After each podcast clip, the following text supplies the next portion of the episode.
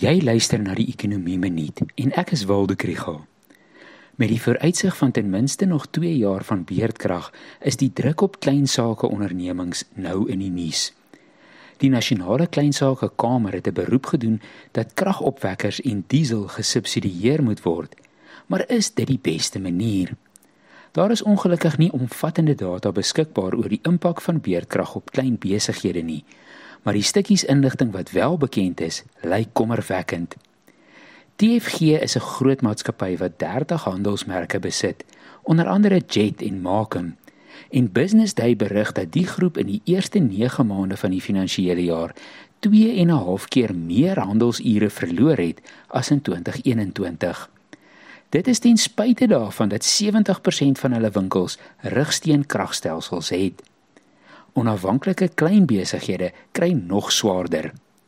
Maar is 'n subsidie die beste oplossing? Ekonome sal sê dit is nie, omdat die mark se prysyne versteur word. As kragopwekkers en diesel bevoordeel word, dan kan sonkragopsies moeiliker meeding. Daarby sal dit moeilik wees om so iets te administreer. Ongelukkig is enige proses waarvoor jy moet aansoek doen in Suid-Afrika die teelaarde van korrupsie. Is jou besigheid klein genoeg om te kwalifiseer? Koop jy die kragopwekker self en eis belasting terug of kry iemand die tender om dit te verskaf? Is die diesel in die besigheid se kragopwekker gegooi of in die bakkie?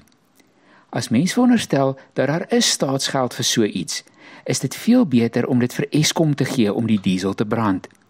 Dan het almal een of twee fases beerdkrag minder en geen sektor of belangegroep word kunsmatig bevoordeel nie.